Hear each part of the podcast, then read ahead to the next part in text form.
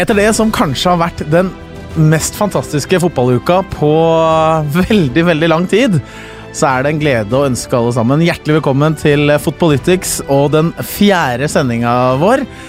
Eh, Hans Erik, jeg føler meg nesten litt sånn høy etter, eh, etter disse kampene som vi både så forrige helg, men ikke minst nå i eh, midtuka. Ja, det er vanskelig å lande etter sånt nå. Og det, altså jeg har sett så mange på sosiale medier jeg har sett så mange meldinger hvor, eh, hvor, eh, hvor det etterfølges med et hjerte. Og det er jo for fotballen, for det, fotballen har jo seira noe så til de grader den siste tiden. Ja, det er jo litt eh, derfor vi også har starta denne podkasten. Fordi fotball er et helt fantastisk kult spill, og vi blir jo aldri mette på å lære mer og nyte mer eh, av det. Eh, Sånn, hvis du kan oppsummere sånn veldig kort, da. Hva har, hva har disse to kampene spesielt da, i, i midtuka lært deg om, eh, om faget fotball? At det er ikke over før det er over. Og det, og det lønner seg å ligge under før, før du snur det. Nei, men det er jo så mye psykologi òg. Det, det er så utrolig mye som skjer i de kampene her. Som er eh, altså, Du har alle elementer av livet i, eh, i to ganger eh, 45, eller to ganger 90, da, som de to semifinalene i Europa, eller Champions League har vært. Så eh, det er jo egentlig bare å sette seg bakover og, og nyte. Samtidig så er det umulig bare å nyte òg, for det er så intenst, ikke sant. Så det gjør at eh, ja, nei, det har vært eh, vidunderlig, og det blir jo eksplosivt nå til helga òg. Ja, for en som eh, lever eh, på av og med britisk eh, eller engelsk fotball. eh, Hvordan var det, Petter Myhre, å se tårene til eh, Pochettino og det, bredeste smilet til Jørgen Klopp eh, på onsdag og torsdag? Ja, det, var vakkert, men eh, det har ikke noe med at eh, jeg jobber med engelsk fotball å gjøre. Det gjør med at jeg, som Hans Erik sier, at jeg er glad i fotball. Eh, og det er sånn Vi har jo gått fra 0-2-er-en-fall-ledelse til 0-3 nå, så vi, liksom, vi høyner lista hele tida. Det betyr at det er så mye mål, og det er jo gledelig. Eh, men eh, jeg, satt og tenkte på det her eh, faktisk på fly hjem eh, her forrige dagen, at eh, det vi opplever nå, da, det er managere som går ut der og har de beste lagene, selvfølgelig. De har mye penger. Det er altfor mye penger i fotballen. eh, Og den er med og skaper en avstand mellom oss vanlige dødelige og, og spillere, manager og klubb, som vi ikke, i utgangspunktet ikke ønsker. Men til syvende og sist så ser vi at det er de som leder klubbene nå, de er sitt ansvarsbevisst. Da. De skjønner at ok, jeg har mye penger, jeg har de beste spillerne, da må jeg pokker meg prøve å underholde også. Så vi ser at de beste klubbene nå de siste årene, de beste klubbene i Europa, har en offensiv tilnærming til produktet. Da.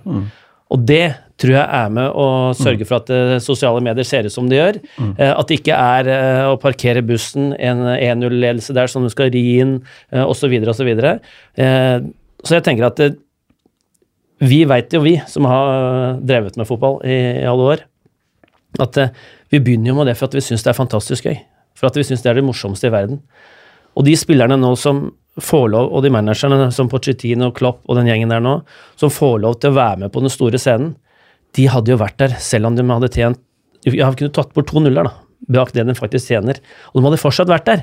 For det er drivkraften med å få til noe sammen med andre mennesker i den idretten som du syns er mest fantastisk her i verden. Det er det som er drivkraften. Og det ser man når tårene til Pochettino kommer. Det ser man når Lucas Mora står uh, og, og prater i, i, i, i flash-on etterpå. Det ser man når Company står uh, for slutten av kampen og griner fordi han har måka den i krysset uh, mot uh, i, i nest siste match her, husker jeg ikke hvem det var. mot, Leicester. for- Leicester, ja, kommenterte fire kamper på fire dager, så jeg ble litt, eh, litt ør. Og liksom og det syns jeg er så deilig med fotball. Og vi kan snakke taktikk, vi kan snakke penger, vi kan snakke agenter, vi kan snakke om eh, masse ting, men til syvende og sist så dreier det seg om følelser. Og det er derfor jeg er så glad i det. Før vi går inn på det vi skal snakke om, som jo er siste serierunde i Premier League, det går jo helt ned til the wire, som, eh, som det heter på, på godt norsk.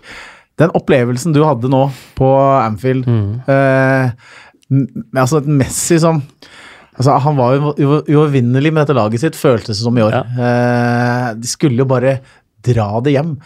Og så var det jo advart på forhånd. Arsene Wenger sa det er det siste stedet i Europa du har lyst til å dra og spille en returkamp. Det er Anfield, for det er der, der kan mirakler faktisk skje. Eh, og den atmosfæren som var der, fortell litt om, eh, den, uh, om den følelsen. da. Nei, jeg hadde jo ikke noe tro på at eh, Liverpool kom til å gå videre. Jeg hadde tro på at Liverpool kom til å vinne kampen, uh, men ikke gå videre. For jeg var 99,9% sikker på at Barcelona kom til å skåre.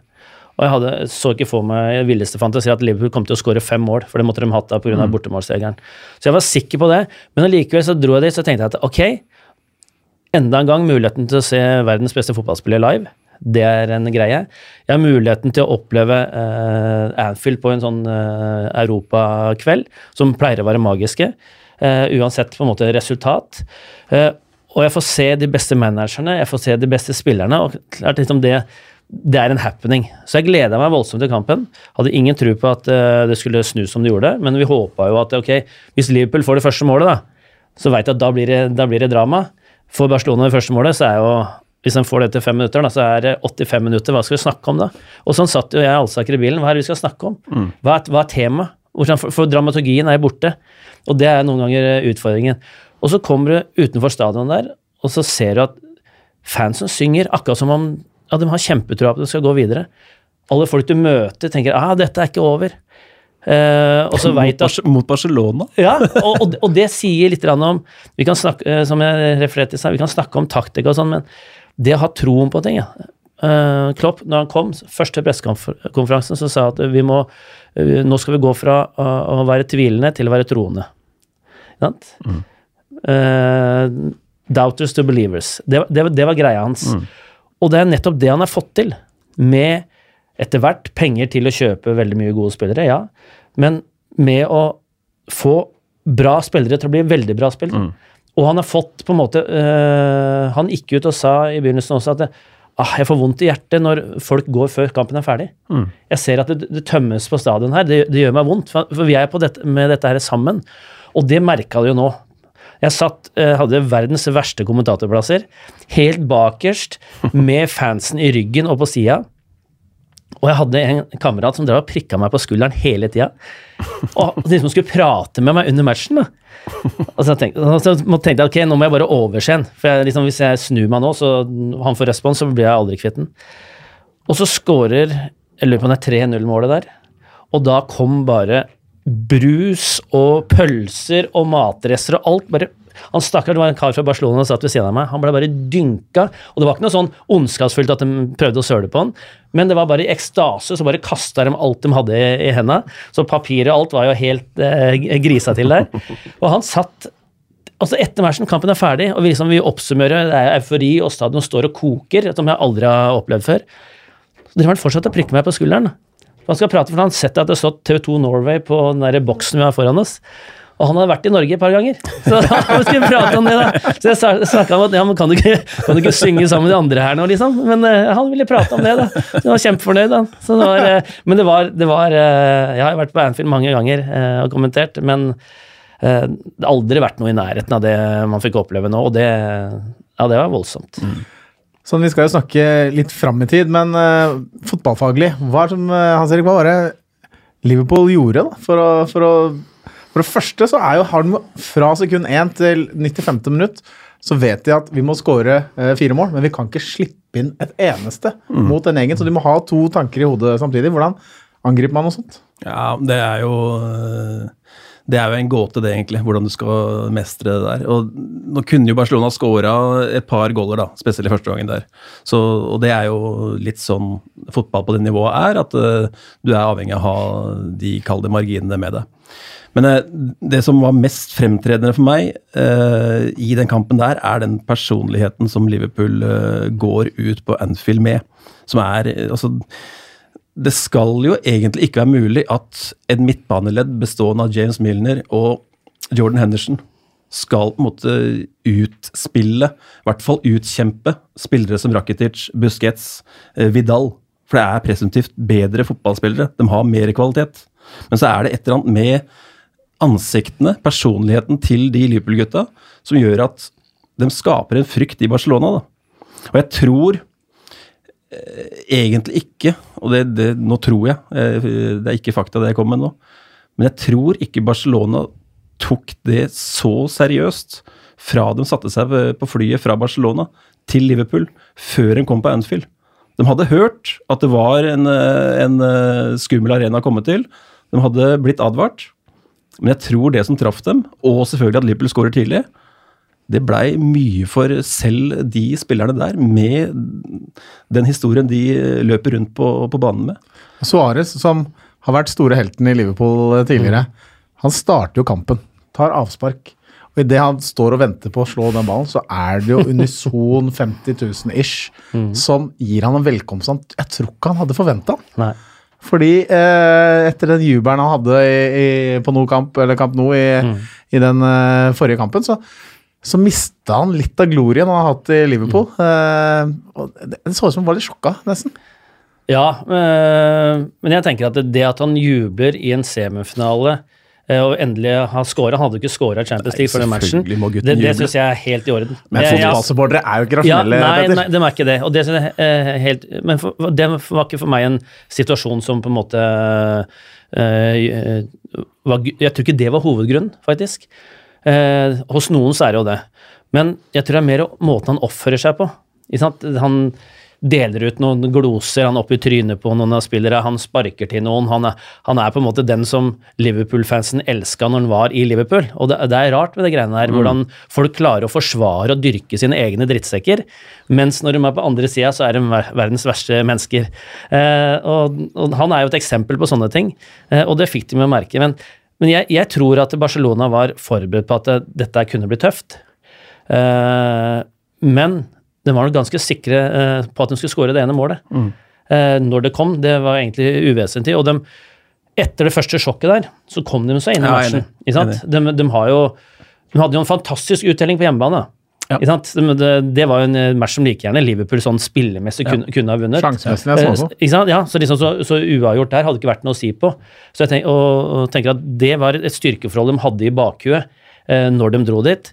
Eh, men de kan skåre eh, en goal eller to i første omgang der, og da er- da er matchen ferdig. Og jeg tror det var det som var fokuset deres. Ikke bli stressa, men få det ene målet. Det er det eneste det dreier seg om, for vi slipper aldri inn fem. Men igjen da, så er så interessant å se hvordan mentaliteten skifter. Det å få den ene skåringen hvordan det løfter publikum, hvordan det løfter deg som spiller, og at du, du, du tror på det du eh, driver med.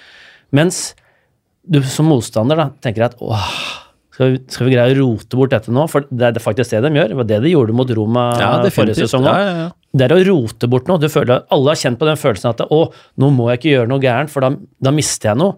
Eh, Det kan være i livet ellers òg, det. Men liksom, med en gang du begynner å tenke sånne tanker, så gjør du noe med, med kroppen din. Du blir litt mer bekymra, liksom, du, du nøler litt i enkelte situasjoner. Du ser litt rundt deg, og jeg tenker at den 4-0-skåringen, den hurtige corneren der, er jo på en måte et veldig godt bilde på forskjellen på mentaliteten til de to lagene i den kampen her. Når Liverpool er på, på tærne hele veien og tar en hurtig corner der ut fra ingenting, mens alle Barcelona-spillerne bare står og ser på hverandre og lurer på åh, hva har jeg ansvaret for nå, nå må vi ikke slippe inn noe, og så følger de ikke med i situasjonen. Så, så er det mentale aspektet der, det, det er ofte undervurdert i, i toppfotball. jeg leste en artikkel med Petter Sjekk i, i morges. um, og han gikk tilbake til 2012, da Chelsea ble CL-mestere. Og han og keepertrener hadde studert en 160 minutters lang video av eventuelle straffeskyttere da, til Bayern München München på den tida der. Da hadde de gått fem år tilbake i tid for å se på eh, hvilke spillere som kunne være aktuelle til å ta straffespark da, for Bayern i, i finalen. Og så hadde de også i den eh, segmentet her, så hadde de også fått med seg hva Manuel Neuer pleide å gjøre på straffespark imot. da. Og spesielt på venstrebeinte skyttere så, så slang ofte Neuer seg til sin venstre side. Og det her forteller dem eh, Juan Mata, da, som er en aktuell straffeskytter for Chelsea, at uh, du er venstrebeint, ta putten til høyre for Neuer hvis eh, du skal ta straffe. Så i 14 dager så trente Juan Mata på å putte den til høyre for keeper da, på straffe. For han var, favoritthjørnet hans var venstre for keeper. Eh, og så blir det straffekonk. Og så skal jo selvfølgelig Juan Mata fram og ta den. Og i den tiden han bruker fra midtstreken til han legger ned ball, så føler han at han ser en bevegelse i Manuel Neuer som ikke han har fått informasjon på. Og så blir han usikker, og så skyter han til venstre for Neuer, og så redder Neuer. Og så, på banketten eller hva de har for noe i etterkant, etter at Chelsea er mestere, så kommer selvfølgelig Petter Sjekk bort til eh, Mata og så sier han, men uh, dette her visste du jo, at han kom til å slenge seg dit. Og så sier eh, Juan Mata ja, men tror du jeg ville skyte til venstre for han? Det var bare noe som skjedde. Og det er da Petter eh, Sjekk også sier et eller annet med det eh, Det er de spillerne som går gjennom det emotional hell, som til slutt klarer å score på de straffene der, da. Ja. Og det sier litt om hvor mye det mentale spiller inn. Altså, Johan Mata visste alt hva han skulle gjøre for noe. Helt, jeg har vært i samme settingen. Jeg Det kan ikke sammenlignes med den settingen, men eh, jeg husker vi spilte mot Start. Skulle Espen Johnsen stå i mål. Og da hadde jeg scora på tre straffer det samme sesongen, alle til samme side. Så tenkte jeg ok, nå har han sikkert uh, sett at jeg satt alle der, nå setter jeg en motsatt. Og jeg var 100% klar på at jeg skulle gjøre det, helt til jeg starta tilløpet, og så skjøt jeg i samme hjørne. Og han redda selvfølgelig. Og han kommer etterpå og sier at uh, han har sett hvor jeg hadde lagt straffene før, derfor gikk han dit. Og, og det er noe av det fascinerende med å, å være trener. Og vi, min jobb blant annet, da, sitter, eh, består jo av å sitte og synse noe om hva Hvorfor ikke Pochettino gjorde det sånn, eller hvorfor gjorde ikke Mourinho det, osv. Mm. Og, og noen ganger så, så er det umulig å svare på sånne ting. Men Karanka, som da var i Middlesbrough, han sa at før hver match så får vi 20 sider om motstanderen. Som vi går gjennom. Det er 20, sider. jeg ber om det viktigste, og så går vi gjennom. Og det har vært 20 av fire sider med uh, informasjon om motstanderen. Og så velger jeg det viktigste i, med henhold til hvordan jeg skal uh, legge opp taktikken. Og så tar jeg litt grann bare med spillerne. Og så ser vi at folk snakker om ja, du må være klar over at de tar korte corner. De, de, er, de er 100 klar over alt Naturligvis. av hva motstanderne kommer til å gjøre og ikke kommer til å gjøre. Men det er en menneskelig faktor her Mm. som, vi, som vi glemmer. Noen ganger, vi, vi har jo vært med på det alle sammen, noen ganger så er det f.eks. kollektiv kollaps. Hvor det på en måte ikke kan forklare noe som helst. Hva er grunnen? Det er bare en kollektiv kollaps. Vi har opplevd det på trening. Vi har opplevd, jeg har hatt treninger jeg, som jeg bare har blåst av etter eh, 35 minutter. Og sagt nei, nå må vi gå inn, for det, nå trener vi oss dårligere. For dette, dette går jo ikke. Og så er det noen ganger hvor, hvor Var Freddy med da, eller? Ja, Freddy var en av dem. Men, eh, men, men da er det sånn Mens andre ganger så, så flyter bare alt. Litt sånn derre Du tror eh, Ja, eksempelvis. eh, Solskjær. Kommer inn, og alt bare detter på plass med en gang. Mye raskere enn det folk hadde trodd. I mye større grad enn det folk hadde trodd. Og så er det bare total kollaps etterpå. Hvordan Sett deg ned med, med Solskjær eh, og spør hvordan forklarer du oppturen, hvordan forklarer du nedturen? Det er nesten umulig. Og det har ikke vært at eh, han har tatt noe mindre hensyn til motstandere eller eh, eget lag. Sannsynligvis ikke hatt noe mindre taktiske ting eller, heller. Kanskje mer, for i starten så hadde han jo ikke tid til å ta tak i ting. riktig. Så, så no, det der, den menneskelige faktoren her må vi aldri undervurdere. Og, men det er det som er så deilig med fotball. da. Tenk om fotball, og det bekymrer meg litt nå, at det er altfor mange som skal gjøre fotball til vitenskap. Vi må gjerne måle ting, og vi må gjerne teste ting, og vi må gjerne bruke eh, ting som gjør ting objektivt. Det, det vil hjelpe oss. Men vi må ikke overanalysere. Altså. Jeg får sånne statspack og sånn før hver eneste sending. Eh, og hvis du går gjennom, da, så kan du, du kan jo vri og vende den analysen akkurat sånn som du vil. Men hvis du bare leser de der tallene rått, så sier de egentlig ingenting. Du kan, du kan lure alle i hele verden med, de, med de statsene. Så Nei, følelser, det er en deilig greie, altså. Følelser er deilig, og det blir i hvert fall ikke noe mindre følelser når eh, klokka bikker 18.00 på, på søndag, og eh, Premier League har fått eh, sin avgjørelse sesongen 2018-2019. Altså, hvis vi skal oppsummere litt stat, stat, hvordan det ser ut per nå, så er det da ett poeng som skiller de to øverste lagene. City med 95, Liverpool med 94.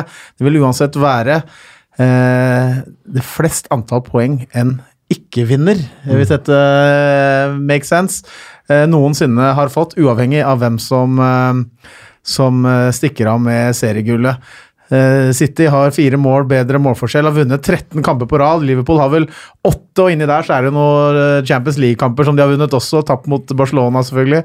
Men eh, det er altså helt utrolig når, eh, Bur når City skal dra til Brighton og møte, møte Albion, så Liverpool tar imot eh, Wolves på, um, på Anfield. Det er altså bakteppet for den fantastisk uh, siste serieomgangen i, uh, i uh, England. Hans Erik, hvis du kan se på disse to lagene som har Det føles som en et, et hav av avstand ned til tredje lag. Det er vel omtrent like langt fra tre til ti som det er fra tre til to. Eh, hva er det som gjør at Liverpool og, og City har vært så outstanding i Premier League denne sesongen? Ja, det, det er et komplekst svar på det. Uh, City kan da, hvis de ryker mot Brighton, så kan de ende opp med 195 poeng på to sesonger. Med, med et gull og et sølv, da. Altså 195 poeng på to sesonger er ikke nok til å ta gull to ganger. Eh, Liverpool og, City har jo egentlig fra første, første kamp vært de to klart førende lagene i eh, Tottenham. Yppa seg litt sånn eh, midtvinters der, men, men det er to det er to lag som har eh, trenere med en enorm personlighet. De har eh, Og begge to er kjent for å gjøre spillerne sine ganske mye bedre. Eh, både på kort og på, på, lengre tid. Det er en amerikansk forskning som faktisk viser til at 60% av all forandring som skjer i et terapeutisk forhold, altså mellom en profesjonell og en klient, eller trener og utøver, da, Eh, den kommer av forholdet du har til den andre. Og du, altså det forholdet Klopp har til sine spillere Vi så også eksempel på Pochettino, selvfølgelig, men dem er nummer tre. Eh, og det forholdet Pep og har til Guardiola Jeg skal ikke ta den på, på, på kallenavn. Eh, har til spillerne sine. Den taktiske innsikten, den medmenneskeligheten, den eh, Det kravspekket de har til eh, gutta sine Eh, det er på et annet nivå. Og så er det klart eh, Jeg snakka litt om personlighet i stad på Liverpool-spillerne. Eh, som er overført av Klopp. Du ser Klopp i nesten hver eneste en spiller som spiller for Liverpool. Og da, da er det også sånn at når, når Firminio er skada, så kommer Divok Origi inn der. Og er, han er en Liverpool-spiller. Han har nesten ikke spilt i år, i gåsetegn. Og så er han en Liverpool-spiller i personlighet.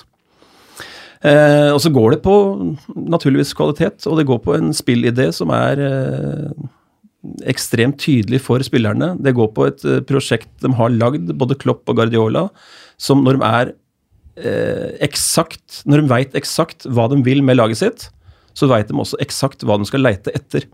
Og du ser stallsammensetningene. De er litt uh, ulike uh, bygd opp, Liverpool og, og City, men de er, de er skreddersydd for treneren sin. Den, I den grad altså Liverpool har jo en ekstrem løpsstyrke og en forflytningsevne i laget sitt. Og du ser på, på det, ja, den gjennomsnittselveren deres, da, så er det spillere i sin beste fysiologiske alder, alle sammen. I tillegg har de en spesialitet i løpsstyrke. Og det er Klopp avhengig av for å få sitt budskap og sitt, sin spillidé eh, til å bli uttrykt på den måten de gjør det nå. da. Men City har da øh, gjort det litt annerledes. Eh, alderssammensetningen er eh, fortsatt bra der. Eh, men de har da på en måte to spillere i hver eneste rolle som er topp, topp Premier League-kvalitet. Og så har de selvfølgelig noen enere som er world class. Men alle er kapable til å være best i Premier League, på en måte. Så det var jo det som gjorde at man trodde City skulle ta det til slutt, i et langt løp på 38 kamper, og, og 100 til i alle cuper de har. Eh, at de har så mange spillere per rolle. Eh, men der, det var jo før eh, både Origi og disse gutta her viste seg som superhumans, dem òg. Så, så Liverpool har også en fyldig stall, selvfølgelig. Men mens, ja, ja. Det interessante med de to managerne her, da, det er for meg at de, de er jo ekstreme på sitt sett. Eh, men jeg husker Roberto Martinez, som nå er trener i Belgia og var i Everton, sa jo det. At, eh, for han fikk jo mye kritikk på at han var naiv. For han, han, hadde jo en sånn tilnærming som eh, Guardiola måtte, i, i Everton. Uh, men som han sa, at hvis du skal bli bedre enn de andre på noe, så må du være ekstrem. Og det er interessant. Mm. Så, at, så, hvor er det du legger lista, da? Hvis du skal legge lista på verdensrekord, og det er jo det måte Klopp og Guardiola og Pochettino og disse her gjør, for dem skal bli best i verden. Det er det det dreier seg om. Da må du være ekstrem. Og da balanserer du på en knivsegg, da, på om du detter på ene eller andre siden. For det Husker første året til Guardiola. Han blei håna borti England der. Det sier selvfølgelig litt om uh, hvor uh, langt tilbake i, i, tid de ligger, disse her journalistene og eksperter og sånne ting der For det er jo mye nedsnødd der borte, jeg må ærlig innrømme det. Den blir jo bedre og bedre. Men de har jo sittet inne på den øya si i så mange år uten å uh, vite hva som rører seg resten i, resten av Europa omtrent. Ikke ville det heller. Nei. Uh, så, så, så liksom, det har vært en hemsko for dem. Og så får de da de beste managerne fra de andre nasjonene dit, og så får de det løftet som var forventa. Eh, men når Guardiola uh, sliter første sesongen, så viker nok en tomme fra det. Han veit at det, enten dette er måten å gjøre på for meg, eller så er jeg feil mann i feil klubb. Klorte seg fast i fjerdeplassen Ja, ikke sant? første året. Klopp, skader og jeg husker bare på slutten av sesongen i fjor, han hadde jo ingen spillere omtrent. Nå skulle uh, avgjøre sesongen og til, til finalen der. Sleit så voldsomt. Og det går på det fysiske som Hans Erik snakker om. Han er ekstrem der. Pochettino akkurat det samme. Han har hatt et helvete denne sesongen. Ja, stemmer. Så, så liksom det, det er sånn Marginene for å være geni og idiot, da, den er så ørliten. Men de gutta der har skjønt det, at det, vi må være ekstreme skal vi bli best. Og så har de Det som kjennetegner dem for meg òg, er at de er så gode til å utvikle de spillerne de henter. Ja, de har masse penger, men det har alle de andre de kjemper med òg. Men de, f.eks. Liverpool Klopp, var villige til å vente et år på Keita. Ja. Istedenfor å hente inn en annen en. Han skal vi ha. Ikke sant?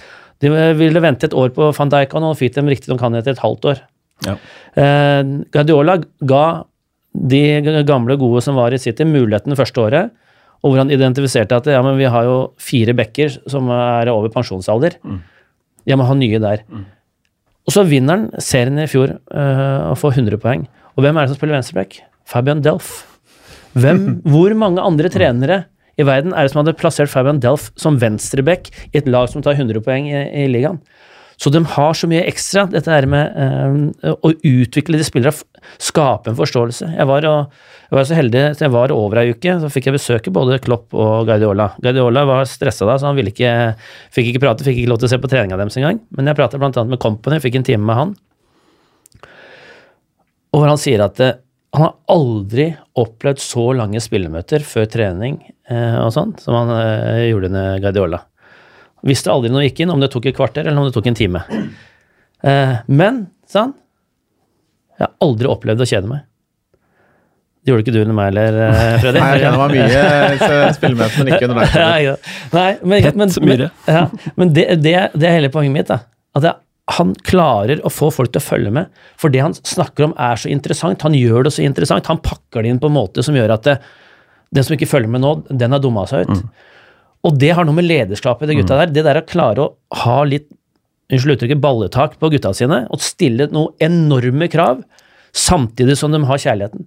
De spillerne som Ja. vet at det blir stilt krav til, de vet at det er en mening bak. Wijnaldum, et godt bilde på det. Wijnaldum, hva snakker han i media etter at de vant eh, 4-0? Han skåret- kom inn og skåra to mål. Han var forbanna for at han ikke fikk starte. Men hva er han viste når han kom innpå? Det var ikke noe sutring og at jeg ikke fikk spille, eller sånn hysj til publikum, eller fingre i øra for at han har blitt, eh, ikke fått det til å spille. Vet, det er så mange sånne reaksjoner som jeg syns er fjollete. da. Det ser du sjelden hos de gutta der. Mm. De er forbanna når de blir bytta ut, og de er forbanna for at de ikke får spille, og det skal de jo være. Og det tillater dem også. Men du må aldri vike fra det de har blitt enige om. Der er de gutta brutalt ærlige. Ja. og, og når du skaper, klarer å skape sånt miljø, så skaper du en trygghet som gjør at den kommer til tørre å utfolde seg. For du kan tenke deg presset fra media. Du kan tenke deg sosiale medier. Du hadde giddet å scrolle gjennom eh, sosiale medier, den der eh, boksen de der eh, gutta der får? Det er Uansett hva de gjør, eller hva de sier, så får de masse dritt. Eh, Det er press fra, fra omverdenen. Og klart, hvis du føler press innad i spillergruppa di også, fra trener blant annet, da. hvordan i all verden skal du klare også å prestere utpå der da? Det er 50 000 der ute. Det i seg sjøl er press nok. Så jeg syns de gutta der, lederskapet til de der gutta der er helt vanvittig bra. Formidlingsevnen og alt. Ja. Altså, det, det, det er jo egentlig igjen altså Når, når bedri vanlige bedrifter eh, opplever kriser, så, så henter de inn krisebyråer og kommunikasjonsdirektør eh, direktør, Nei, ikke direktører, men eh, dem som hjelper med kommunikasjon. og det, det, Alt skjer, og det er veldig intenst. Eh, og så roer den krisa seg etter annet nå. Men en fotballtrener, og spesielt på nivå her, han har det egentlig hver eneste lørdag og søndag og eh, onsdager. Og de gutta her beholder den roen der, og det smitter over. Og de er i angrep hele tida. Du merker at det er aldri sånn derre eh, De tar aldri et steg tilbake og føler seg eh, truffet av noe, at det er noe urettferdig som har skjedd dem. De er i angrep. Og det tror jeg påvirker eh, spillergruppene de er i også veldig, veldig mye. Og så er det sånn at man kan se Et eksempel på akkurat det at eh, fra kampen nå på, på tirsdag mellom eh, Liverpool og Barcelona, så ser du når det har gått, da er det 72 minutter la der, er, og de får dette corn, denne corneren. Og Trent Alexander Arnold skal ikke ta den tydeligvis, han er på vei bort derfra. Og en 20-åring da, Ja, er det det? står ja, ja, kanskje ikke, hvem veit. Men når det står liksom en det står om å gå til finalen i Champions League, så bare har du både klokskapen selv, men også selvtilliten, og du føler tilliten nok til bare at jeg tar et kjapt, en kjapp corner. Når kanskje de, de har trent på noen oppstillinger og sånn på trening, men så velger han å gjøre det. Det må være også en sånn tegn på en, en at Man har en voldsom selvtillit òg. Man føler seg trygg og komfortabel i en sånn situasjon som en 20-åring. Ja, ja altså at, at de har frihet. Ok, det, innenfor dette miljøet her, så har vi visse rammer. Sant? Men så, så er det jo litt sånn frihet under ansvar, da. For det er klart, som vi snakka om i stad, alt er gjennomanalysert. Så klart, hvis de spillerne seg imellom kan komme opp med noe som de snakka om på treninga i går, eller i garderoben før kampen, eller ja, Du har jo opplevd det sjøl, Ja, ja, når du sitter liksom Ok, du opp, kjenner kampbildet, og så kjenner du at ok, han eh, ligger litt annerledes, han høyrebekken der nå. Liksom, hvis du da spiller kant, og sier ja, Hans Erik, eh, slå noen på ett touch nå, inn baken, ikke sant? for det nå han står litt høyt. Og så løste jo dere det, og det er ikke noe man nødvendigvis har prata om på, på møtet. Eh, lagt taktikken. Eh, hurtig corner, dødballsituasjoner. Å være kreativ på de er jo en gave. Men det får du bare hvis du skaper en trygghet, et er miljø det. hvor det er lov å gjøre feil. Ja, ja, for, for, for vi vet at det, det gjøres drøssevis av feil i en fotballkamp. Men hvis du ikke gjør feil i en fotballkamp, så vil du heller aldri bli best. da. For, for du, da safer du hele veien. Og det er en utfordring. Når du begynner å bare spille safe. Ja, ja, ja. Så Og, og de gutta her er jo avhengig av at eh, altså den store feilen du kan gjøre som spiller i Guardiola eller Klopps eller de aller bestes mannskap, det er jo å ikke gjøre feil, på en måte. Og så er det, jeg tror det er en helhet, helhetstanke her og den derre empatiske strukturen som Mourinho uh, snakka om etter han var i United, og det var viktig for han i neste klubb han skulle ta over. Eh, den empatiske strukturen eh, har Klopp, Guardiola, uh, Pochettino og de gutta der, den, den er i de klubbene der. Og da er det en sånn helhetstanke at, eh, for å si det unyansert, vaskedama tenker hva er det som kan gjøre Liverpool bedre? I alle situasjoner. Så alle er på alle, har, alle i klubben har full kraft i den retningen eh, Klopp og andre har pekt ut. da. Dit skal vi. Og eh, Det var jo også nevnt at ballguttene på Anfield eh, tirsdag kveld de hadde fått i oppgave å sette i gang spillet kjapt. ja, Som også er et element her, ikke sant? som er eh, fremprovosert av lederskapet til eh, Dette går jo tilbake til 80-tallet, da jeg var ballgutt på, på Vålerenga sine kamper, og Henning Proffen Bjarnøy Ja, sa at hvis vi leder, eh, så går jeg og henter den ballen Sure. på andre siden av løpebanene på Bislett sjøl. Så dette de her er gamle, gammel, gammel de lærdom. De gamle ideene Ja. den blusser opp igjen i ulike formater. Ja, men det dreier seg, og det er fordi vi jobber med mennesker. Fotballen er ikke veldig annerledes nå eh, enn det han var for 20-30 år siden, men ting går i sykluser, trender. For det, hvis noen er veldig suksess med noe, så er det noen som jobber intenst med, skape, med motgrep. Ja. Og så, så blir fotballen litt annerledes, og så er det nye muligheter igjen. Men, men tilbake til det du snakka om i stad, eh, at det- filosofien til Guardiola, Klopp og Chettino som gjennomsyrer hele klubben. Ja. Eh, Jeg var heldig å få- få en halvtime med, med Klopp, og da nevnte han akkurat det der med at han hadde tatt med seg ei eh, hun kantineansvarlig fra Tyskland. Eh, fordi når han kom dit, så var det akkurat som eh, like vanskelig som her hjemme. at Kantina er stengt og sånn, den. Ja. Sant? Ja, men vi skal trene på matchtidspunkt i dagen før kamp, f.eks. Så ok, vi har Champions League i morgen klokka åtte på Anfield. Vi ønsker å trene klokka På både mandag og tirsdag ønsker å trene klokka åtte. Eh, så var kantina stengt. Ja, men, ja, men det er- ja, men det- og, og det, det, det, det er egentlig no-brainer, da. Ja, ja. Men, men så sjukt er det, altså. I liksom de største fotballklubbene i verden. Så, og han, eh, det også han gjorde, da, og det syns jeg er et sånn fint bilde på hvor nøye man er. Og sier at ok, nå har vi verdens beste kokk her. Hun tar seg av gutta, veit hva de skal spise. Eh, folk får noe de liker innenfor visse rammer. Men som han sier, det, vi spiser jo her én, maks to ganger om dagen.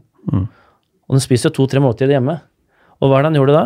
Jo, da har han fått hun til å reise hjem til den bedre halvdelen til disse gutta her, og lære de å lage mat. Han sa at det hjelper ikke om du spiser riktig her hvis du spiser feil hjemme. Så, så det er Ja, det, er, det er påvirkning hele veien. Ja, ikke ikke sant? sant? Når hele klubben er med i den påvirkninga der, så er det Så tar plutselig uh, dem en corner da, som er utafor manus, men den er i manuset likevel, på en måte. Ja.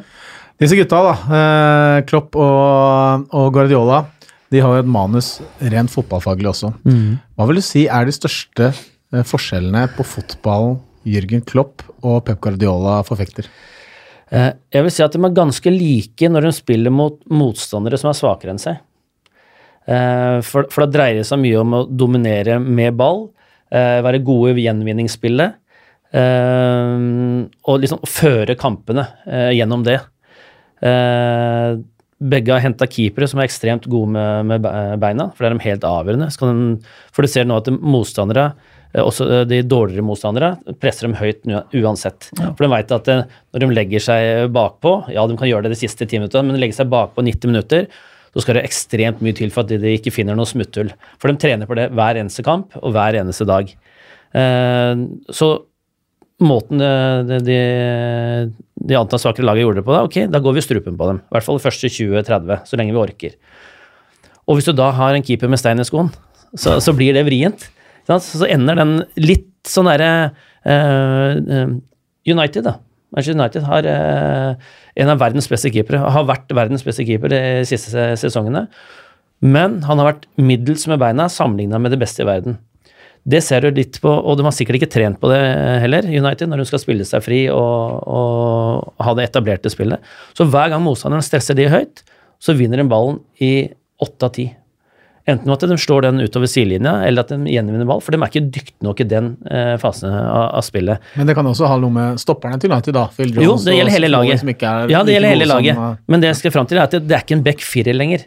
Det er en back femmer. Ja, nå er det til og med en back sekser hvis du spiller med, med fem bak, da. men det, det, det er ikke det som er viktig her. Men, men keeperen har blitt sånn, både Klopp sin og, og, og Guardiola sin tilnærming, så er keeperen ekstremt viktig i det spillet, fordi den står høyt. Så du må ha en keeper som eh, er sweeper, som er opp, ofte utafor 16-meteren, ofte ute og avverger ting. Eh, Og de må ha en keeper som er trygg med ballen, fordi de møter motstandere som står høyt, som skal klare å spille seg ut allikevel. Eh, Så de er veldig like i tilnærmingen der. Men jeg syns du ser en forskjell når de spiller mot likebyrdig motstand. Beste bilde på det er Liverpool mot City på Anfield denne sesongen. Hvor bare Guardiola tetter igjen alt. Det er ingenting. Eh, Det blir jo nesten ikke målsjanse i hele matchen. Mm. Sitter for straffe fem minutter før slutt der, som Mares mm. skyter over. Og da sier eh, Guardiola noe helt riktig etter kampen, og da sier at eh, drar du på Anfield, spiller mot Liverpool, og du spiller en åpen kamp, så taper du ni av ti kamper. Sånn. Og det er den derre heavy metal-fotballen som, som Klopp står for, som han forfekter. Og det er at det er enda mer tut og kjør når Liverpool spiller. Mm. De drar opp tempoet i kampene. eh, og elsker at ting svinger litt. da, Litt sånn Hawaii-fotball, som vi eh, liker å kalle det eh, på et et folkelig språk. Eh, mens Guardiola eh, ønsker å ha mer kontroll i kampene. Eh, Så det tror jeg er den største forskjellen når du møter liksom andre storlag. Når kampbildet City mot Barcelona, da, ville det nok sett vesentlig annerledes ut enn det Liverpool-Barcelona.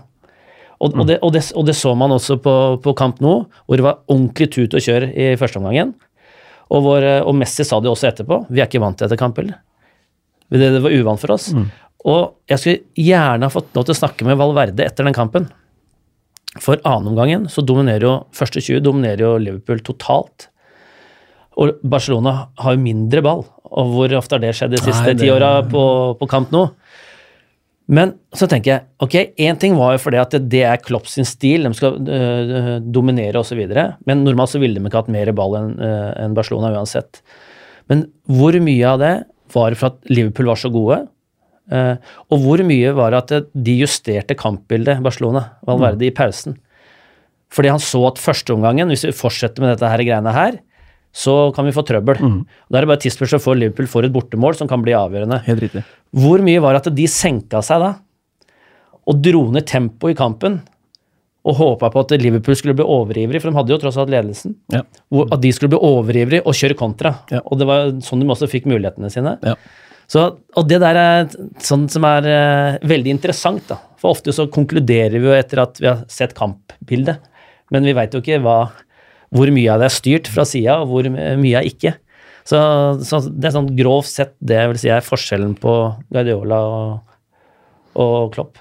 Sånn spillestilsmessig. ja, jeg er helt enig. Det er litt sånn der eh, hvor eh, Guardiolas lag alltid starter spillet sitt ved egen femmeter.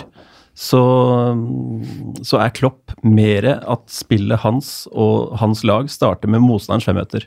I de kampene hvor uh, de føler seg ganske jevne, motstanderen.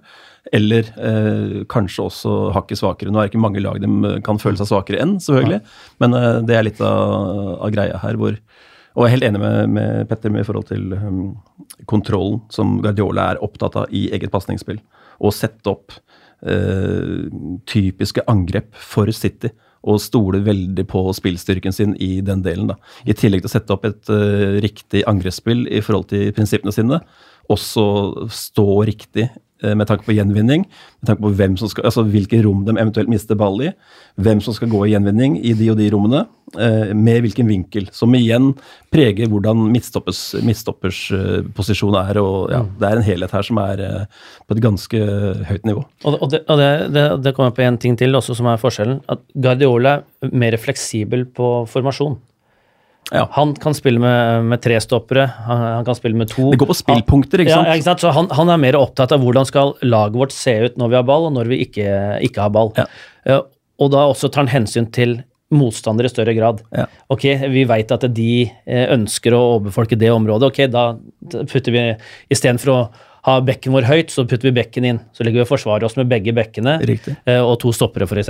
Og så flytter vi de annerledes. Han er, mer, han er nok enda mer sjakkspiller der enn det, enn det Klopp er. Han har noen sånne eureka-moments i Ja. kampene sine, Ja. hvor han da bare Shit, det er det her som funker her. Det har vi ikke trent på, men prinsippene er de samme. på en måte. Ja. Men det er, det er, han flytter noen brikker her som, eh, som gjør, så gir dem fordeler i de og de situasjonene. Jeg leste også intervjuet med Gardola, hvor han snakka om Jeg husker ikke hvilken spiller det var, men det var en spiller som var i motstanderlaget som var svakere i soneforsvar enn de tre andre i leddet. da. Ja.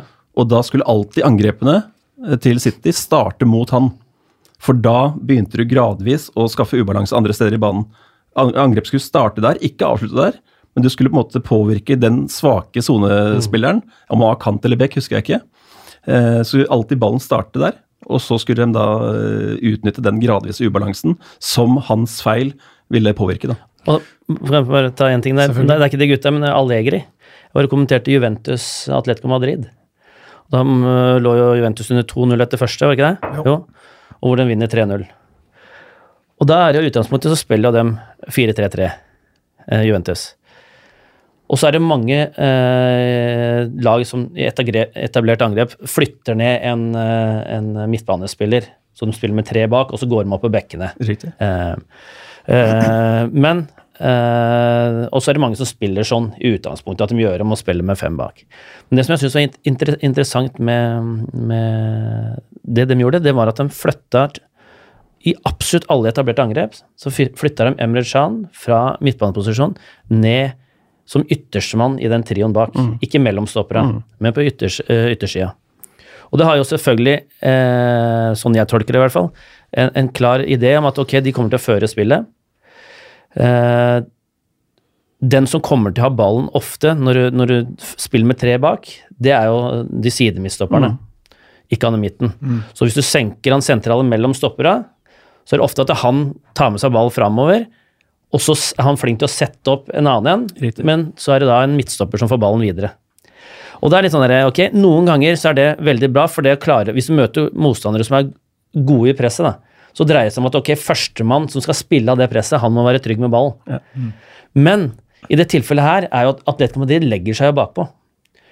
Så jeg satt og tenkte på hvor, hvorfor gjør han dette her, Allegri? Og så tenkte jeg ok, jeg tror det er fordi han tenker at ok, hvis jeg flytter han som høyre midtstopper av de tre, da, så er det fase to at han får ballen. Og da er vi enda 20 meter høyere i banen. Og det er der det begynner å bli vanskelig, når du spiller mot Atletico Madrid. Ikke sant? Eh, så, så det var en sånn taktisk greie som jeg syns er interessant. Eh, men det som var like interessant, det var at eh, han veit at Atletico Madrid spiller med to spisser. Og Griezmann møter jo ofte jeg hadde Morata som lå der og skulle være target, og så har du eh, Griezmann som virrer litt eh, rundt han her. Men istedenfor at han ble liggende der, da, i den trioen som, som en midtstopper, og liksom at de forsvarte seg med fem i etablert, så forsvarte de seg med back firer. Og han gikk opp og fikk ansvaret for Griezmann.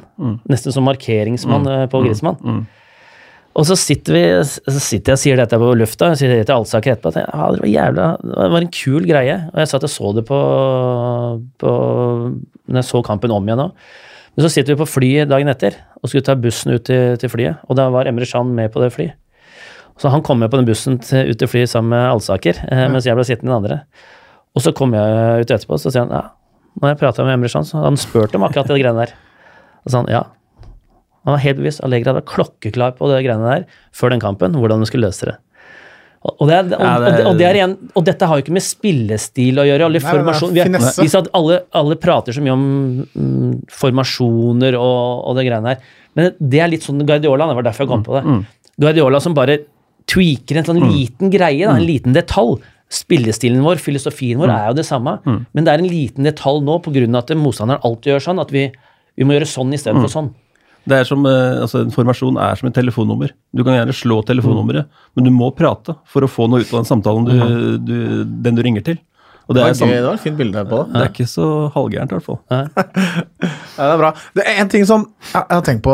Eh, har, når man ser Guardiolas lag, de er så offensive. Og de har, eier veldig mye ball på offensiv banehalvdel. Det borger jo egentlig for at Bekka skal kunne komme rundt hele tiden, og det gjør jo Bekka til, til City. Men sånn rent statistisk i år så ser man hvor mye Bekka til City har bidratt med sånn rent assistmessig kontra Liverpool. Og Liverpools bekker har 22 assist. Ja, det har vært ekstrem sesong. ekstrem sesong. Eh, nå har jo det vært litt skifte i bek bekkene hos, uh, hos City. City. men men uh, Walker har én assist. Uh, Sinchenko har tre. Det er, det er et hav av forskjell. Mm. Er det en bevisst handling fra, fra Pep at han ikke skal la bekka sine komme like mye ned i disse assistsonene som er liksom på utsiden av femmeteren ned mot dørlinja? Er det liksom, Overlater han mer én mot én til kantspillerne sine? Sané, Stirling, Bernardo Silva og denne gjengen. Er det, er det forskjell i hvordan de angriper på den måten? Det er snakk om prioriterte rom, da. Og hvem, altså det assistrommet, det rommet i, i 16-meterskorridoren, som vi har snakka om før på podkasten her òg, det skal erobres. Og så, det, så varierer jo Guardiola mye med hvem som Altså hvis ballen går bredt i en bekk, så er det på en måte De Bruyne eller de gutta der som skal eh, ta den. Hvis det er De Bruyne som eh, mottar ball, så er det kantspiller som skal inn i rommet der. Det er, og det er også satt opp i forhold til motstander. De ønsker å nå eh, ballførere som kan nå alle prioriterte rom, så ofte som mulig. Og så er det litt sånn kunstnerisk frihet i hvem som drar igjennom og sånne ting, men prioriterte rom skal erobres. Og selvfølgelig er det assistrommet her sentralt i Peps uh, filosofi. Og så det, uh, tror jeg det har noe med uh, Alle veit hvor viktig bekkene har vært offensivt for, under Guardiola. Ja. Hvor viktige roller de har hatt. At igjen da, så legges det slagplaner for å hindre det. Ja. Og det ser Guardiola. Ok, det er vanskelig for oss å lykkes med den type fotball som vi spilte nå, da må vi justere. Og det er det det, det dreier seg om. Han, eh, dette er som Magnus Carlsen spiller sagt. Han, han ligger et trekk foran hele veien. Da. Men er det du sier nå at uh, etter denne sesongen her, så vil jo mange ha øynene oppe for bekka til Liverpool? Ja. Vil Klopp møte dette, denne utfordringen neste år? Hvor, folk, Ja. eh, hvor motstanderne, som jo er taktisk kloke, de også, uavhengig av hvilket lag i Premier League du trener, eh, legger en plan for at du, Arnold og Robertson de kan ikke få lov til å drive og slå og pumpe innlegg Ja. hele tida, for da blir det mål. Ja, ja, selvfølgelig gjør de det, men det tror jeg de har begynt med allerede. Naturligvis. Fordi de har, eh, men det er noe med å lykkes med det. Én ting er i teorien å vite hva du skal gjøre, men å lykkes under kampen, det, det er mye vanskeligere, heldigvis. Så liksom, eh, det er ikke sånn at det bare når vi sitter og flytter brikker på, på taktikktavla, så, eh, så ser alt eh, vel og bra ut. Det er noe med hastigheten Liverpool spiller i. Da. Ja, altså, sant? Barcel- Og- ja. Jordi Alba veit jo at eh, Arnold kommer der, og han veit altså, På andre sida og han Sergio Roberto han veit jo at Robertsen slår inn derfra Mm. kommer i Men altså, det har noe med hastigheten, timing, eh, å bli overrumpla. Over, overrumpla. Ja. Ja, men, ta det motsatt vei, da. Jordi Alba. pasningen han har til Suárez i den første kampen. Mm. Sånn. Alle veit at han slår den åtte av ti ganger. Liverpool-forsvaret veit det òg. Og de er ikke i nærheten å kunne stoppe det pga. timingen i løpet til Suárez. Akkurat når han starter. At han starter 100. At tidspunktet pasninger slås på, og presisjon. Ja, ja, ja. Og det er jo det som er deilig med fotball. Du kan ikke gardere deg mot ting. Banen er heldigvis så svær som han er, at du må prioritere noe. Hvilke rom er det vi skal prøve å nekte, hvilke rom er det vi skal prøve å angripe. Så har du ikke nok spillere til å dekke alle romma samtidig. Og da er det opp til valgene til spilleren, hver enkelt spiller, i de ulike situasjonene. Og jeg tenker at det, jeg tror det er mindre sjanse for at eh, Klopp gjør store endringer neste år enn eh, sammenligna med det Guardiola gjør. For han er mer som vi om i sted, han er mer på at han kjører eh, stort sett samme formasjon. Hender han endrer til 4-2-3-1 Ja, men han er, eh, han er stare på prinsippene, syns jeg. Ja. Jeg syns Klopp eh, lener seg mer på å endre strategi under kamper, Ja. f.eks. med Norigi, da, og Ja. begynner å slå lengre. Altså, Pep vil ikke gjøre det, på en måte. Nei. Og, og, det, og det tenker jeg at det, det er litt av uh, greia her nå, med at intensiteten i kampene til Liverpool er så høy at han veit at det, motstanderen er mør. ja. Jeg, var, jeg var og spurte Når jeg var og prata med henne, så prata jeg med han eh, andre Pep, han eh, assistenten til eh, Klopp. Og da hadde jeg vært, akkurat vært og sett dem mot Leeds i, i Liacupen. Jeg lurer på om de tapte. Ja, jeg er fall ikke sikker, husker ikke. Uh, og hvor de da Siden høyrebekken til Leeds har ballen, så feide de med venstrekanten oppi. Så spilte han inn til venstre stopper, så feide spissen oppi. Så spilte de til venstre Nei, jo, til venstre stopper, så feide høyrekanten oppi. Og så spilte de ut til venstre back, som da får et gedigent rom. Og så kan du gjette hvem han kjørte oppi da. Det var høyrebekken, da. Ja. Ikke sant? Det var ikke snakk om høyre indreløper, det var høyre bekken. Og så sier han at eh, vi spiller med en backfirer, men vi oppfører oss som vi spiller med en backfemmer. Mm. Og det er en interessant greie. Ikke sant? Vi har jo en back fire, vi spiller 4-3-3, men vi oppfører oss defensivt som om vi spiller med en back femmer. Og da er jo wingbacken mye høyere. Ja. Ikke sant? For da forholder jeg til at du har tre stoppere, det vil si at da er det ofte at den sentrale detter ned. da. Men da skjønner du også at du trenger spillere som van Dijk inn i midten her, for Ja. det overlater et utrolig stort ansvar til stopperne. Ja, men, men igjen, da. Det jeg skal, det jeg skal fram til, var at det, Så sier jeg at ja, men da spiller på jævlig stor risiko, se.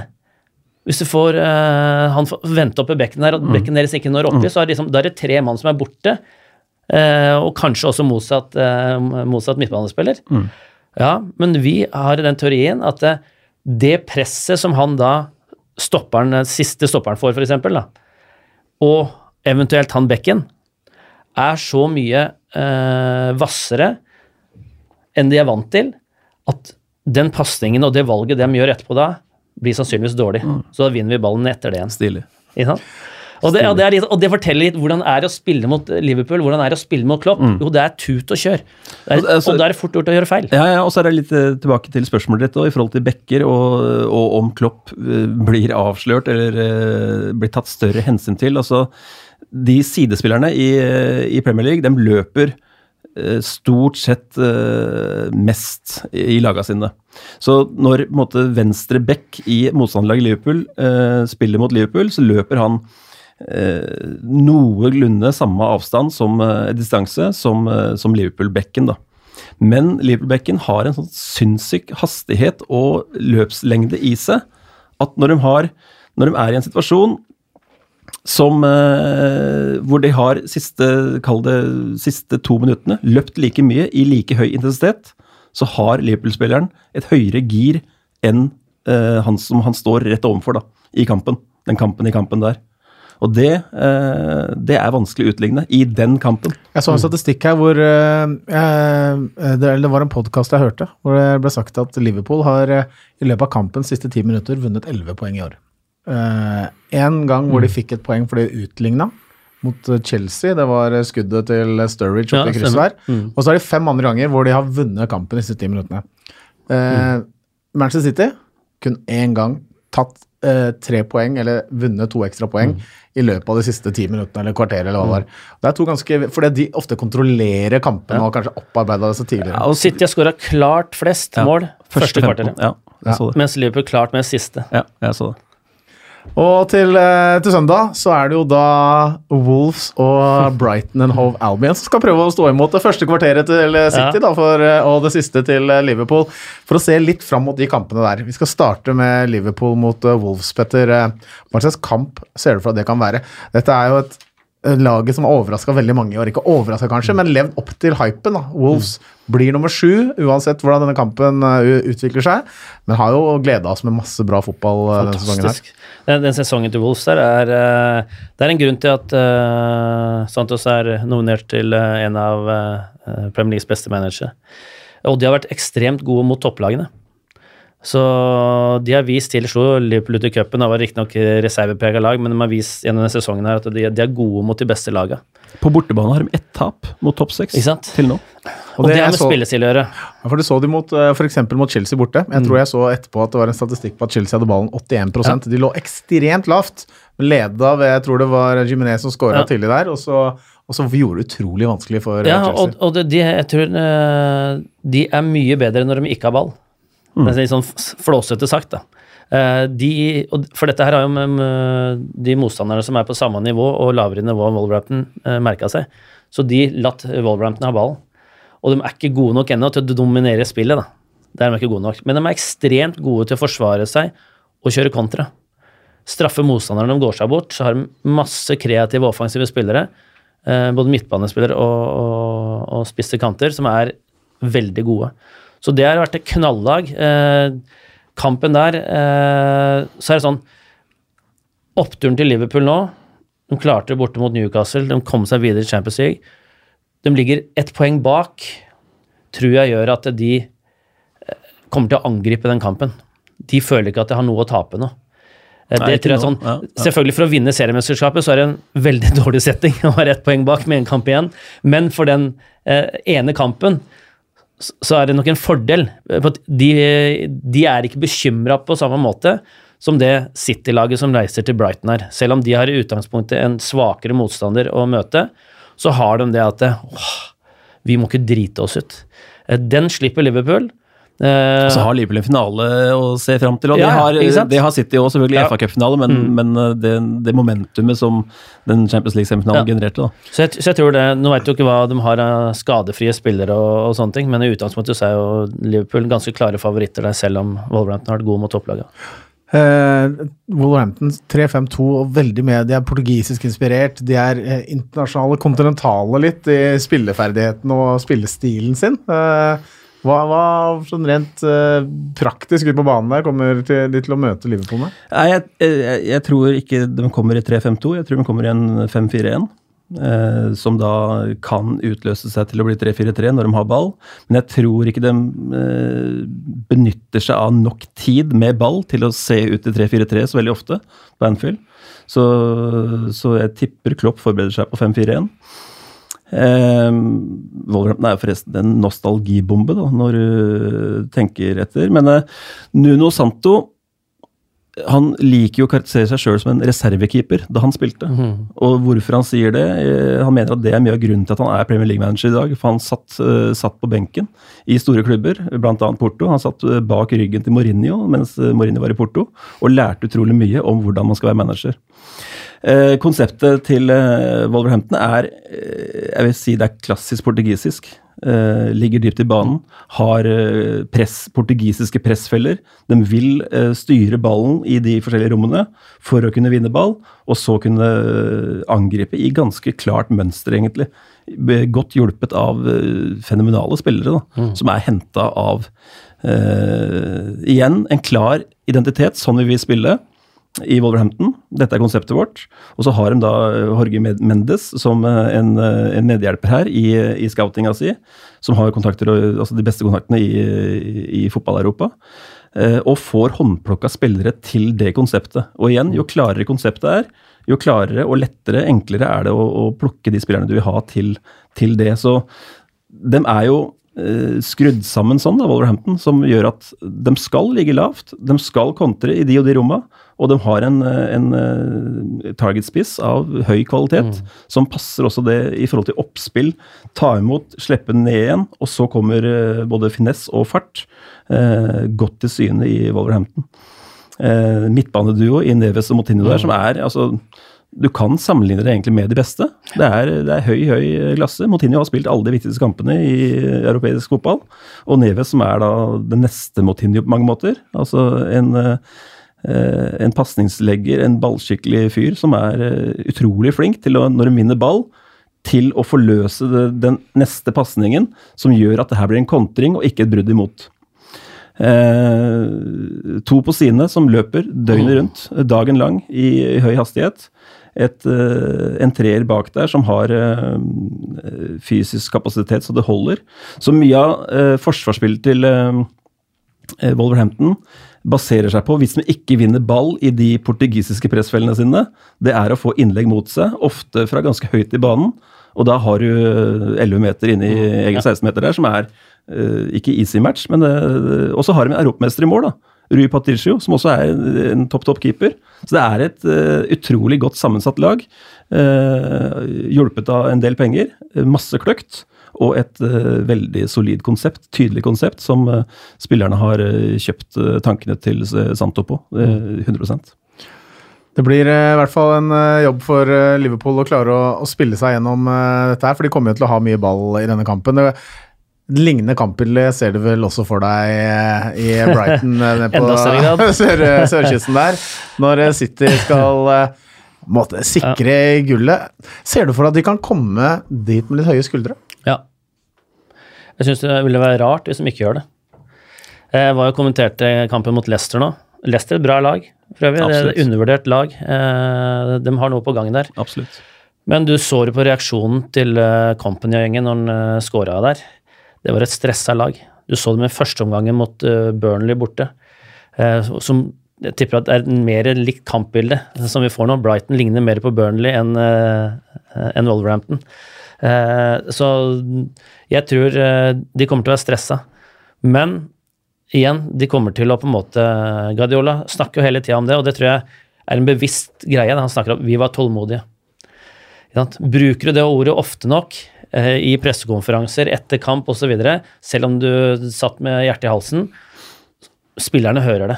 De, de, de, altså- får det med seg. Eh, vi må bare slutte å eh, tro at man sier helt annerledes ting i garderoben enn det man gjør ute. selvfølgelig. De snakker til spillerne sine i pressekonferansene. Klart, ja, de gjør det. Klart de gjør det. Selvfølgelig gjør de det. Og, og da er det noe med eh, den tilnærminga og tålmodighet. Det blir nøkkelen til, eh, til, City. Vi så Brighton mot Arsenal, vi så Brighton mot Tottenham. De kan forsvare seg. Og de spiller uten press nå.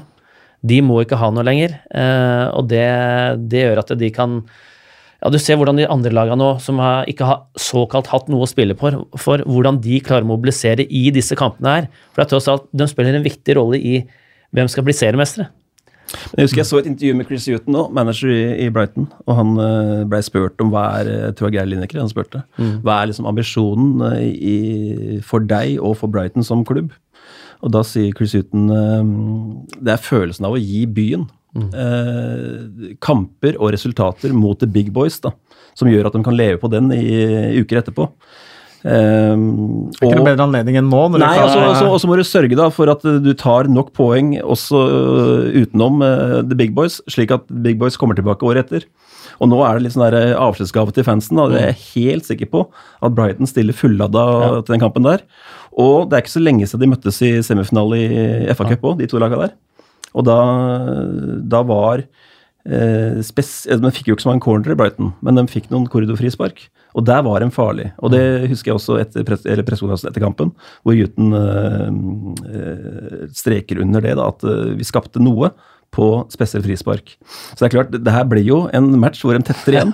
og Så det holder å gå for noen kontringer. Kanskje ikke med mål for å score, men for å få noen dødballer. Mm. Og du kan tenke at uh, publikumsstemninga stiger på hver eneste dødball Brighton får. Og er det noe uh, Guardiola er uh, ikke, ja, om ikke redd, så i hvert fall litt bekymra for i forhold til Brighton, så er det jo de evinnelige dødballene og den høyden de kan stable opp foran, foran goalen deres. De, de har jo en voldsom guts i seg, Brighton. Det er, ikke, mm. det er, ikke, lett lag å møte, selv om du sa det her tidligere at det å møte City ligger langt bak på, så vil de til syvende og sist finne mm. det smutthullet som oppstår når du måte, eh, over tid klarer å forbearbeide mm. motstanderen med de kvalitetene som er i City-laget. Um, kan vi se for oss at Brighton som faktisk klarer å holde nullen mot uh, Manchester City? Ja, det er eneste muligheten deres.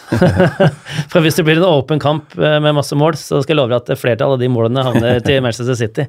Eh, Så det er eneste muligheten deres, å, stenge igjen og håpe på å score på en dødball, en kontring. Det, og, og, og de har ikke eh, De har ikke de spilletypene og Uh, skal jeg si, den evnen til å presse høyt heller, i samme grad. det. Så hvis de går ut og liksom nå skal vi sjokke City, det fikser de ikke. Nei, Eh, så, så, det, så deres måte er å spille som. Men fordelen for Brighton da er jo at det, dette er noe vi har gjort hele tida. Vi skal ikke gjøre noe annerledes nå pga. denne matchen her. Vi skal gjøre akkurat det samme, bare at vi må gjøre det enda bedre. For det, ja, ja, vi møter det beste laget i ligaen. Ja. Eh, så liksom det, det er sånn tankegangen deres må være. Og, og City kommer heller ikke til å gjøre noe annerledes. De, kom, de har jo ingen spisser som du snakker om, eh, setter inn på Rigo og slår langt. Hvem skal de sette på? Ja. Det er- og det er litt sånn Det er, noen, det er noe det noen sier, at ok, City og Guardiola de har alt, men det mangler han ene som når alt stokker seg. Han ene target-spissen som på en måte er villig til å spille den rollen. Ja, så hva Jørente Llorente gjorde i går, da, for, Ja, eh, for Tottenham, sant? Og den, der er jo, er jo Klopp og Pochettino mer pragmatisk enn Guardiola. Han skal kjøre det samme. Ja, ja. Eh, og det kan også bli bane, Det har blitt bane hos mm, i hvert fall forskjellige ting som har avgjort i Champions League, men det å forandre kampbildet da har vært vanskelig. Og så, og så kommer da igjen mentalitet igjen, da. Og så kommer meldingene fra Anfield, da. Ja. 2-0 Liverpool, 3-0 Liverpool. Og det står 0-0 eh, i sør der, så det er klart det er med og påvirker. Men eh, jeg husker også Houghton, eh, Chris Huton sa det, at eh, de fikk tallene på, på Brighton-spillerne etter semifinalen. Og det var den kampen de hadde høyst eh, snitt da, på høyintensitetsløp. Mm. Og det er måten de kan altså De er nødt til å legge alt i potten på å krige i filler City.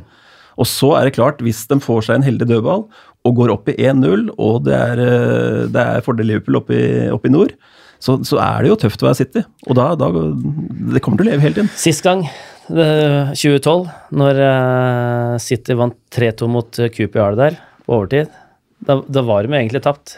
Ikke sant? Ja, stemmer. Det hadde jo egentlig tatt, men så fikk jo Palace også inn og resultatet som viste at dem holdt seg.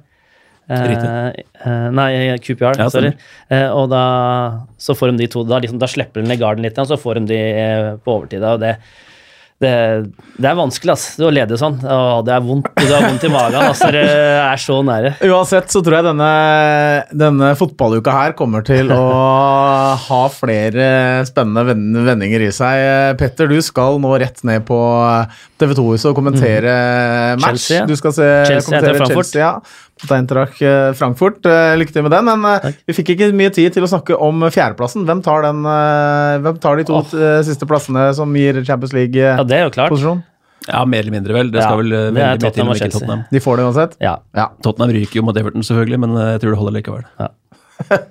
Tusen takk for at uh, du ville komme og være sammen med oss, eh, Petter. Takk. Uh, Hans Erik, det var eh, episode fire ferdig, det. Det var det. Har, Eh, eh, har du kost deg?